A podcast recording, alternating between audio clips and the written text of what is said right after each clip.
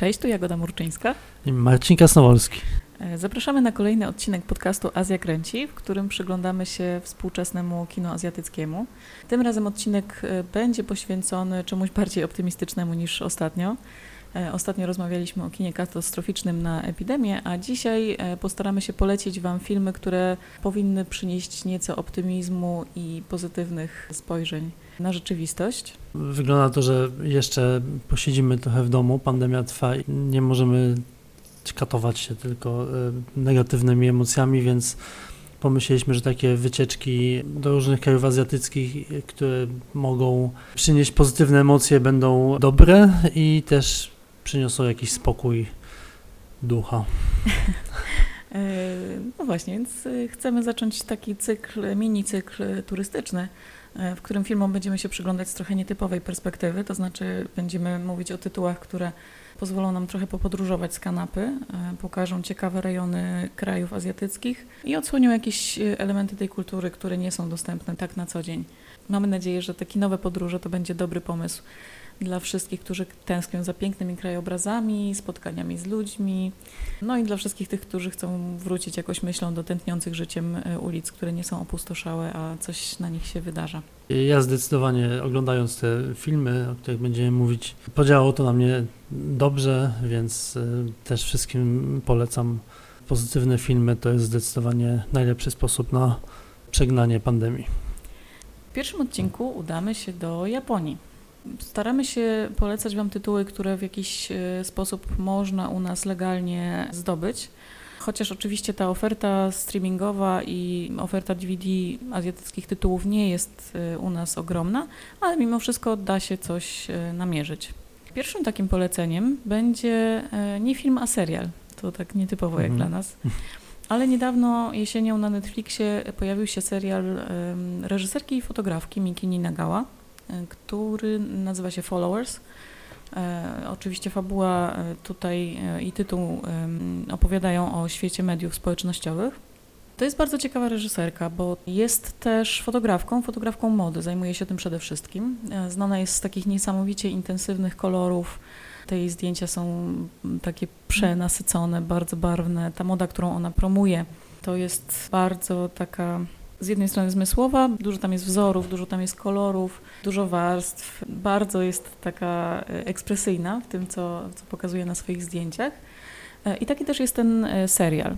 Nie jest to może fabuła bardzo skomplikowana. Tutaj mamy dwie, dwie główne bohaterki. Młodą dziewczynę, która jest aspirującą aktorką, chce znaleźć swoje miejsce w wielkim show biznesie. I druga fotografka właśnie u szczytu kariery, która już osiągnęła w zasadzie wszystko, co mogła osiągnąć. Teraz ma taki pomysł, żeby e, mieć może dziecko e, i tak naprawdę no, możemy się trochę spodziewać, o czym opowiada ten serial, o tych e, starciach z popkulturą, o tym, w jaki sposób media społecznościowe dzisiaj wpływają na kształtowanie kariery w mediach. Tak naprawdę jest to godne polecenia przede wszystkim dla tych, którzy lubią e, pooglądać piękne obrazki, bo rzeczywiście tam i scenerie, i ciuchy, te mieszkania, te stylizacje, w których pokazują się główne bohaterki, no to jest wielka uczta wizualna dla e, oka. E, a przy okazji takie wejrzenie w miejskie krajobrazy Tokio, ten świat pięknych przyjęć, pięknych mieszkań, pięknych ludzi, którzy bawią się na estetycznych imprezach. E, nie jest to do końca może moje kino, ale rzeczywiście miałam przyjemność zagłębienia się w to tak zupełnie, e, nie, nie wymaga to większego e, intelektualnego wysiłku, ale jest po prostu przyjemne do oglądania. Natomiast samą reżyserkę bardzo polecam, zwłaszcza jej pierwszy film, bo, bo to jest ten debiut, który przykuł moją uwagę i do którego często sobie wracam. Ona zrealizowała taki film Sakuran i to było coś naprawdę wyjątkowego. To była taka historia e, gejszy, młodej dziewczyny, która walczy o swoje miejsce w płynącym świecie japońskich dzielnic czerwonych latarni. Przy czym e, Nina Gała zrealizowała to trochę tak jak e, kiedyś Sofia Coppola z Marią Antoniną. W bardzo współczesny teledyskowy sposób. W roli głównej osadziła dziewczynę, która była piosenkarką rockową i też taką, w ogóle była półjaponką, to też było nietypowe, żeby do, takiej, do takiego filmu, który w zasadzie był filmem historycznym, obsadzić w Japonii, jak wiadomo, e, osoby, które nie są e, w pełni Japończykami, spotykają się z, ze społeczną nietolerancją niestety. I, I to, co jest wspólne z jej debiutem i z serialem, który teraz możemy zobaczyć na Netflixie, to właśnie skupienie na kobiecych bohaterkach. I nawet jeśli nie mamy tam bardzo pogłębionej psychologii, to i tak jest to ciekawe, że kobieta portretująca, mówiąca trochę o sobie, bo oczywiście, ponieważ główna bohaterka jest fotografką, kobietą kariery, no jest to tutaj jakiś autobiograficzny na pewno e, wątek.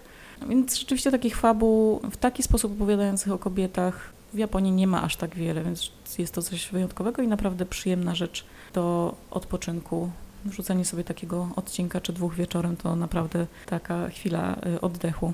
E, jeśli kogoś zaś nie interesuje do końca moda e, ani piękne zdjęcia, to warto zwrócić uwagę na ten serial też ze względu na to, że duża jego część poświęcona jest właśnie mediom społecznościowym. I wydaje mi się to ciekawe, bo ja śledzę, przyznam, z zainteresowaniem, e, jak kino radzi sobie z portretowaniem internetu, świata, inter, świata, świata mediów, bo to jest zaskakujące, że tak naprawdę ciągle bardzo mało filmów bierze to na e, tapetę i e, trudno trochę znaleźć metody i wizualne, i narracyjne, żeby opowiadać o tym, w jaki sposób działa Instagram, w jaki sposób działa ta dynamika mm. lajkowania, komentarzy. Dzieje się tam bardzo duża część naszego życia, a w kinie ciągle jeszcze wielu bohaterów żyje w świecie, w którym nie ma Facebooka, co jest dość absurdalne, jeżeli popatrzymy na to, jak wygląda tak naprawdę rzeczywistość. Więc tutaj no, Nina Gała robi to w ciekawy sposób, wydaje mi się, i bardzo pokazuje to, jak media społecznościowe wpływają bardzo bezpośrednio na życie głównej bohaterki, tej, tej młodszej, więc to jest coś, co e, też jest dla mnie bardzo ciekawe. Ja nie widziałem jeszcze tego serialu, będę musiał w takim razie nadrobić, e, ale e, widziałem inny serial, który jest też dostępny na Netflixie. Przypuszczam, że jest skierowany do innego odbiorcy i ma też już swoich widzów w Polsce. Jest o nim dosyć głośno. Midnight Dinner Tokyo Stories jest to serial na podstawie mangi oczywiście i serial, który tak naprawdę jest realizowany od 2009 roku w Japonii, ale parę lat temu produkcję przejął Netflix i zdaje się, że zrealizował już dwa sezony. Miejscem akcji jest no, taka mała knajpka w centrum Tokio, Knajpka, która, co jest nietypowe, jest czynna tylko w nocy, od północy do siódmej rano, więc gromadzą się w niej nietypowi, można powiedzieć, goście, ale tych gości jest sporo. Każdy z nich e, ma swój inny problem. Oni przychodzą oczywiście do tej knajpy zjeść e, dobre, tradycyjne japońskie jedzenie. Za barem i w kuchni króluje e, człowiek, który nazwany jest mistrzem. Widać, że dużo przeszedł w życiu, ma szramę na policzku, jest świetnym kucharzem, ale też jest bardzo doświadczonym człowiekiem i on swoim klientom bardzo często daje dobre rady, które w jakiś sposób pozwalają im ruszyć dalej z życiem. Ma też zasady, Zasady są takie, że gotuje jedno danie, a także potrawy, które zamówią klienci, ale tylko z, e, ze składników, które ma akurat w lodówce. Jedzenie jest oczywiście pretekstem, ale jest bardzo łatwo, ładnie filmowane, także w ogóle dla dla samego oglądania jedzenia warto ten, ten serial oglądać. Każdy odcinek trwa po 20 parę minut, więc są to krótkie historie. W sam raz do obiadu. W sam raz do obiadu albo w sam raz na wieczór, żeby, żeby się odstresować. I muszę przyznać, że im, im dłużej oglądam ten serial, tym bardziej mi się podoba. Trzeba przyznać, że rzeczywiście on jest świetnie napisany. Te postaci, które się pojawiają, to są przeróżne, przeróżni ludzie. Czasami też jacyś gangsterzy w tej knajpie przesiadują też stali klienci. To są trzy panie w średnim wieku, które siedzą z boku i służą jako chór e, grecki dopowiadający i komentujący. Jest to, jest to dosyć e, zabawne. I to, co jest, to, co mi się podoba, to, to, to też to, że, że akcja czasami z tej knajpy się wynosi i pokazuje jakby losy bohaterów poza tym lokalem. Oczywiście wszystko tam się, tam się spina no, mistrz jest tutaj zawsze kluczową postacią, mimo że nie, nie, mówi dużo, to zawsze mówi to co, to, co trzeba. Zdecydowanie polecam Midnight Dinner Tokyo Stories, jest to, jest to serial e, dostępny na Netflixie, serial, który zdecydowanie poprawi Wam humor i w jakiś sposób Was e, ukoi. E, no właśnie, kuchnia to jest oczywiście bardzo ważny temat dla japońskiego kina.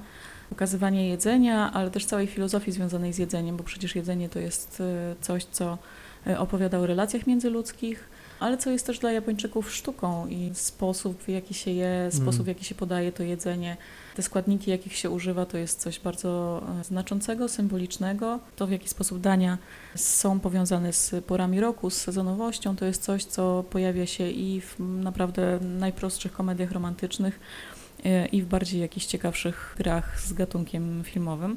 No oczywiście flagowym takim e, filmem, który e, serdecznie polecamy i który pokazywaliśmy też zresztą kiedyś na festiwalu, jest tam Popo. To film, który e, jest tak naprawdę ramen westernem. Korzysta z westernowych konwencji o, po to, żeby opowiadać o tym, e, o, o restauracji, która właśnie serwuje ramen. Bohaterka e, o imieniu takim jak tytuł, czyli Tampopo, to oznacza po japońsku dmuchawiec. Uczy się, jak przygotować e, najlepszy ramen w mieście. Fabuła jest taka epizodyczna, rozproszona i kręci się właśnie wokół e, tego przygotowywania. No i scena, w której jeden z bohaterów tłumaczy, jak należy z szacunkiem spożywać to danie, e, to jest absolutny e, obowiązek, żeby to obejrzeć. Więc zachęcamy bardzo, żeby zamówić sobie jakiś ramenik na dowóz i wesprzeć jedną z lokalnych japońskich restauracji, a przy okazji uraczyć się tym wspaniałym filmem. Tampopo jest zdecydowanie zawsze poprawia humor, bo to naprawdę film, który no, naszej publiczności się bardzo podobał. No i o, tak jak powiedziałeś, jest to ramen western, jest to oczywiście e, sformułowanie żartobliwe. Są tam rzeczywiście odniesienia do, do westernu. No, bohater oczywiście jest wzorowany na postaci z westernu, nosi kapelusz, chustę na szyi, no i spotyka bohaterkę Tampopo, która przygotowuje kiepski ramen i postanawia, że pomoże jej nauczyć się, jak robić najlepszy ramen w mieście. I te sceny, na przykład treningu, gdzie ona musi zasuwać y, z ciężkimi garami, na przykład po kuchni na czas, albo y, biega, a on za nią jedzie na rowerze. No, absolutnie jest to piękne i klasyczne już sekwencje. No i tak jak wspomniałeś, no jest, jest to film, który jest tak naprawdę, no nie ma, nie ma jakiejś zwartej struktury. Ten, ta fabuła jest taka dosyć epizodyczna i jest tam, jest tam mnóstwo przezabawnych takich krótkich scenek o tym właśnie, jak, jak traktować jedzenie. Jest tam bardzo piękne na przykład sceny erotyczne poświęcone jedzeniu.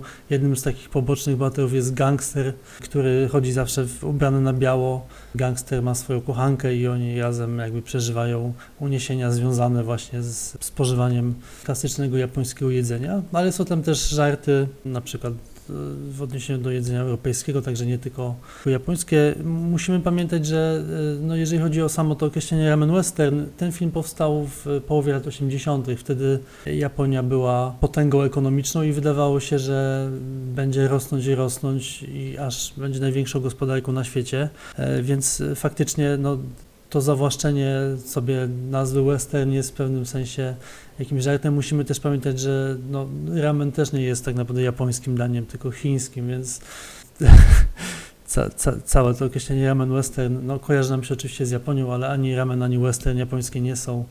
To jest jakiś, jakiś sposób, żeby pokazać w jaki sposób działa no, zarówno kuchnia, jak i e, kultura, bo one mają ze sobą dużo wspólnego oczywiście. Jednym z moich ulubionych filmów poświęconych kulinariom jest też e, film e, w reżyserii Sabu, Pan Long. E, Pokazywaliśmy go na tegorocznym e, festiwalu, ale on już jest też dostępny e, na DVD w niektórych dobrych sklepach online. I to jest też taki film, który mm, łączy właśnie znowu w ciekawy sposób gatunki, bo to jest film trochę gangsterski, trochę familijny.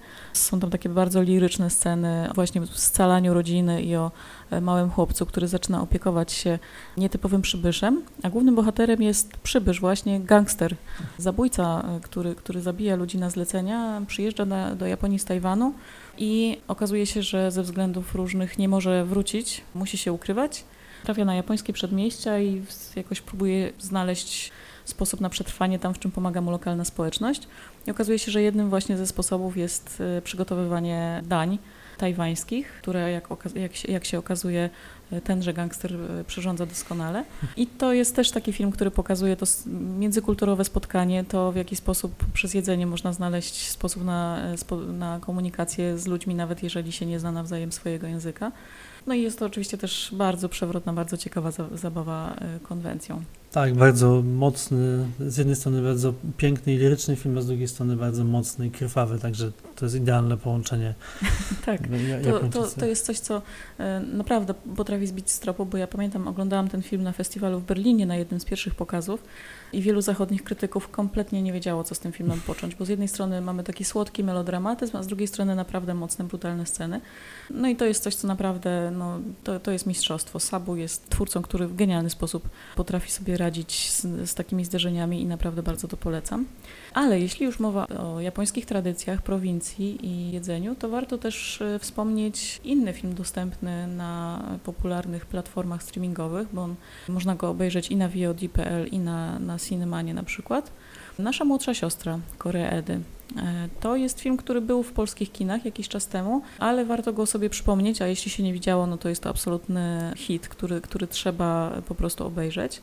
Przepięknie filmowany, pokazuje właśnie tą mniej znaną stronę Japonii, e, dzieje się w Kamakurze. Opowiada o siostrach, które żyją pod jednym dachem muszą znaleźć e, ze sobą e, sposób na porozumienie i e, no jeden z naprawdę prze, przeciekawych filmów ze względu i na lokację, w jakiej się rozgrywa i na same bohaterki. Z tego co wiem, reżyser robił bardzo dogłębny research i wręcz przeprowadzał wywiady z siostrami, bo sam oczywiście nie wiedział jak to jest żyć z trzema czy dwoma siostrami pod jednym dachem. Więc przeprowadzał e, wywiady z takimi kobietami i wypytywał je, on dbał o to, żeby e, oddać ich rzeczywistość w najdrobniejszych szczegółach, nie tylko w tym, jakie są między nimi relacje emocjonalne, jak wygląda ta hierarchia, e, ale pytał je nawet o takie rzeczy, czy każda z nich ma swój oddzielny szampon w łazience, czy, czy, czy, czy niekoniecznie. Więc ta dbałość o detale bardzo przekłada się na to, jak ten film wygląda i jak mocno możemy w niego wejść. Koredę zawsze warto polecać. On jest no, obecnie chyba no, największym nazwiskiem, jeżeli chodzi o Japonię i e, w zasadzie każdy jego kolejny film e, potwierdza jego niezwykłą formę, w jakiej się znajduje. Nasza młodsza siostra, ja oczywiście widziałem sporo filmów Koredy, ale ten widziałem dopiero przygotowując się do tego nagrania i to, co mnie w nim zdziwiło, to tak naprawdę to, że czekamy cały czas na, na, na coś, na jakieś zawiązanie powiedzmy jakiegoś konfliktu, jakiegoś dramatu, który się zacznie i nam się nie zaczyna. To znaczy oczywiście te wszystkie siostry mają swoje problemy, każda ma swój własny życiowy problem. Oprócz tego one wszystkie mają trudną sytuację rodzinną, mieszkają rzeczywiście razem i to prawdopodobnie w filmie gatunkowym skończyłoby się źle albo właśnie spowodowałoby, jakiś większy konflikt e, i postawiło sprawę na, na ostrzu noża, a te, tutaj no, tego nie ma, znaczy ta sytuacja się rozwija bardzo powoli, bardzo delikatnie i te siostry są tak naprawdę dla siebie niezwykle nawet jeżeli się kłócą, to, to mają dla siebie mnóstwo czułości i to, to ciepło, ta delikatność e, filmu jest naprawdę czymś, czego teraz wyjątkowo chyba potrzebujemy, zwłaszcza, że musimy spędzać czas e, no, zamknięci w domu z, z naszymi rodzinami, więc jest to dobra lekcja tego, w jaki sposób można ze sobą spędzać czas mądrze i coś z tego wynosząc zdecydowanie. A oprócz tego sceneria tego małego japońskiego miasteczka też jest bardzo piękna. Dom, w którym one mieszkają, to jest taki stary, drewniany dom. Właściwie ciężko uwierzyć, że, że cztery siostry mieszkają w, w, takim domu, który cały skrzypi właściwie się rozpada, ale zbierają gruszki, z których robią e, nalewkę, oglądają kwitnące drzewa. To, to też jest kawał takiego codziennego życia japońskiego na prowincji i to wszystko jest naprawdę niezwykle piękne. Także zdecydowanie ten film e, ukoi moje, moje nerwy i polecam wszystkim.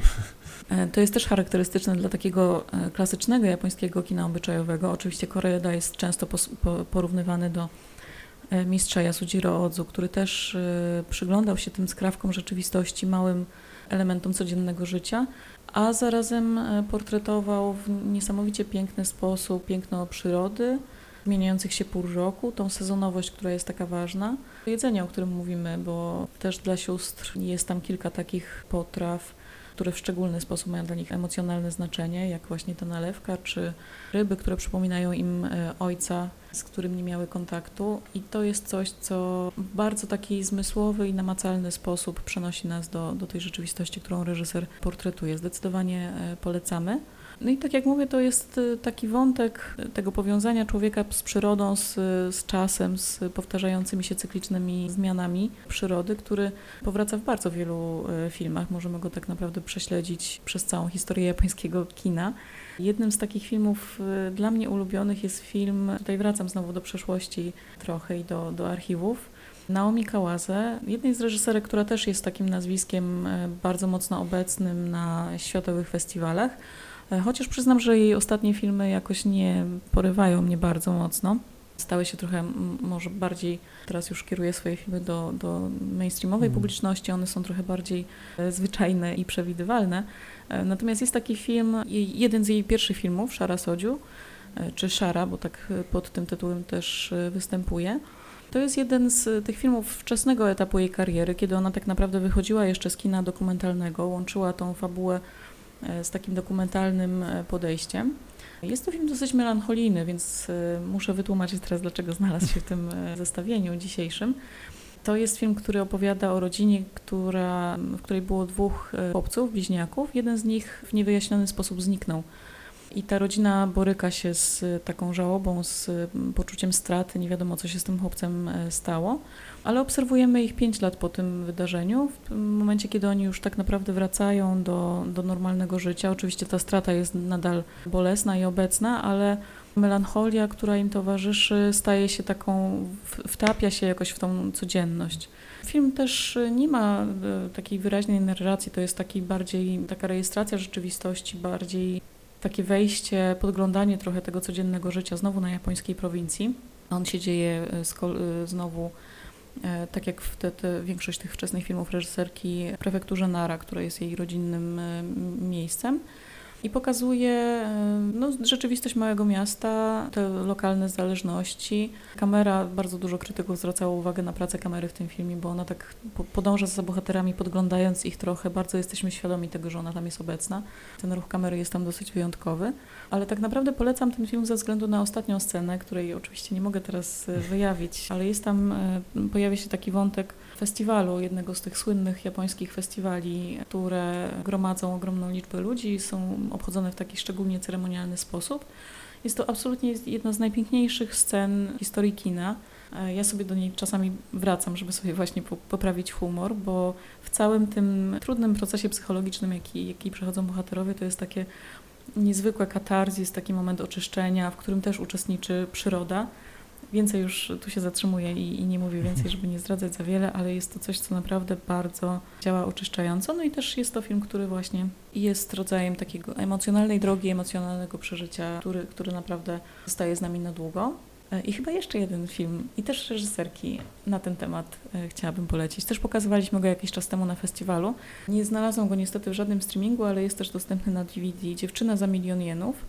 E, w reżyserii Yuki Tanady, tu podkreślam, bo jest też inny film o podobnym tytule, ale nowszy. A nam chodzi właśnie o ten film w reżyserii Yuki Tanady. To też reżyserka. Bardzo zresztą lubię wszystkie jej filmy. Jej scenariusze są takie przewrotne i, i bardzo ciekawym poczuciem humoru ona operuje. I to film, w którym e, główna bohaterka, w którą wciela się Yu Aoi, to jedna z takich najbardziej chyba ciekawych aktorek e, niezależnego kina japońskiego, wyjeżdża ze swojego miejsca zamieszkania i jest zdeterminowana, żeby samo, samodzielnie się utrzymywać. E, przejeżdża przez kolejne miejscowości do momentu, kiedy zarobi określoną sumę, to tytułowe milion jenów, po czym zmienia miejsce zamieszkania. Jest taką nomadką, jest w ciągłej podróży, no i znowu za jej pośrednictwem możemy oglądać e, zmieniające się pory roku, realia tej japońskiej prowincji. Jest to bardzo urokliwy i, i taki przypojony takim ciepłym humorem film, który też bardzo polecam na poprawę nastroju. A ja, żeby, żeby ten nastrój nie był za dobry, muszę polecić film, który jest trochę bardziej gryfawy, powiedzmy. E, zastanawialiśmy się, czy który film e, innego giganta japońskiego kina, czyli Takeshi Kitano, możemy Wam e, polecić. Przez chwilę myślałem, że dobre byłoby Battle Royale, w tym Kitano e, gra.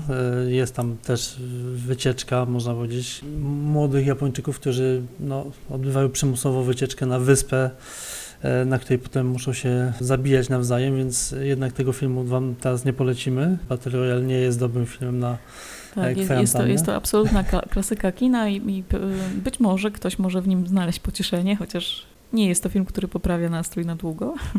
E, jest to zdecydowanie film znakomity, ale jeżeli chodzi o Kitano, przypomniałem sobie ostatnio film Sonatin. Jest to film z początku lat 90., film, który chyba jest uznawane za pierwsze arcydzieło Kitano. Warto przypomnieć, że on zanim zaczął realizować filmy gangsterskie, on był przez długie lata komikiem i odnosił duże sukcesy, a jego, jego no, taka droga do uznania jako reżysera poważnych filmów była dosyć długa i tak naprawdę w Japonii on długo jeszcze był kojarzony z, z tymi swoimi rolami komediowymi. Sonatin zostało źle przyjęte w Japonii, nie odniosło tam sukcesu kasowego. Dopiero europejskie festiwale dostrzegły w tym filmie no, rzeczywiście coś niezwykłego i jest to film absolutnie niezwykły. Warto go teraz obejrzeć, ponieważ no, proponujemy Wam wycieczki po Japonii. Tutaj mamy wycieczkę bohatera granego przez Kitano i jego kolegów gangsterów e, z Tokio na Okinawę, gdzie muszą rozwiązać drobny konflikt. Konflikt, który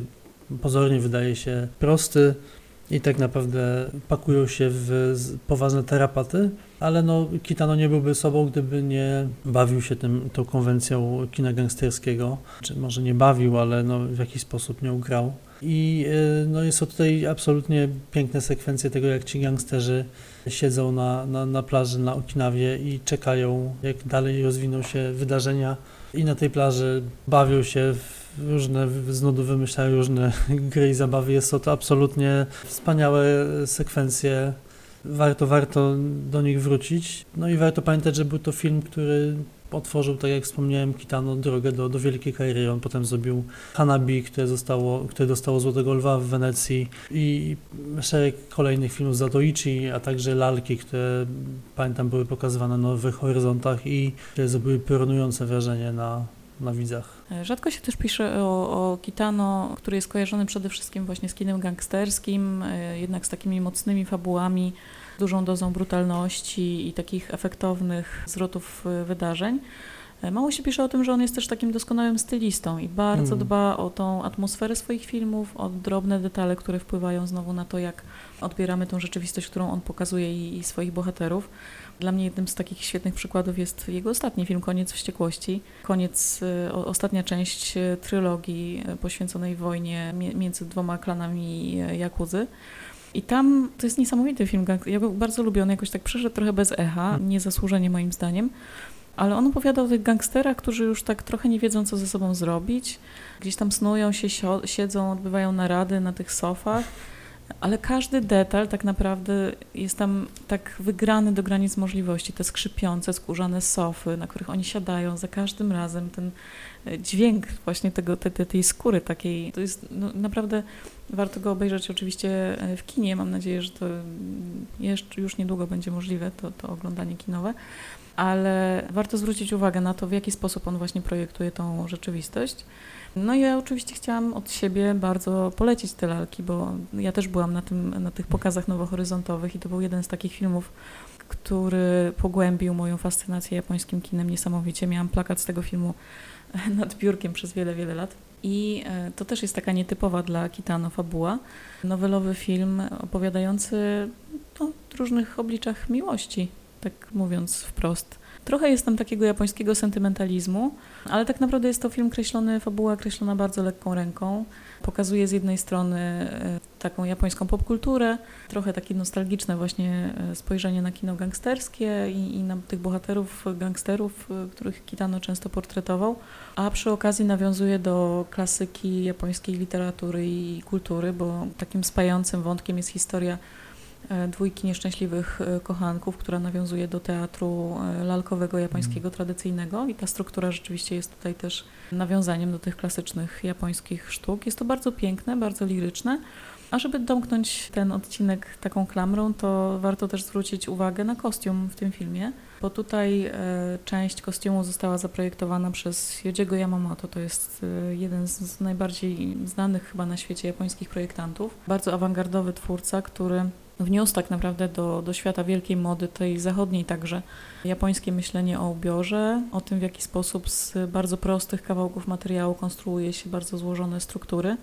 O Yamamoto mogłabym mówić naprawdę bardzo długo, bo naprawdę moda to jest jedno, ale to w jaki sposób on kreuje te bryły, te faktury, w jaki sposób on traktuje ubrania jako pewien, pewien rodzaj sztuki, to jest e, naprawdę niezwykłe zjawisko i rzeczywiście można tutaj zobaczyć te jego e, kostiumy. On zazwyczaj e, w swoich zwyczajnych kolekcjach tworzy przede wszystkim w czerni. Hmm. Tutaj zarówno film, jak i te kostiumy są pełne kolorów, więc to też jest dla niego dosyć nietypowa odsłona.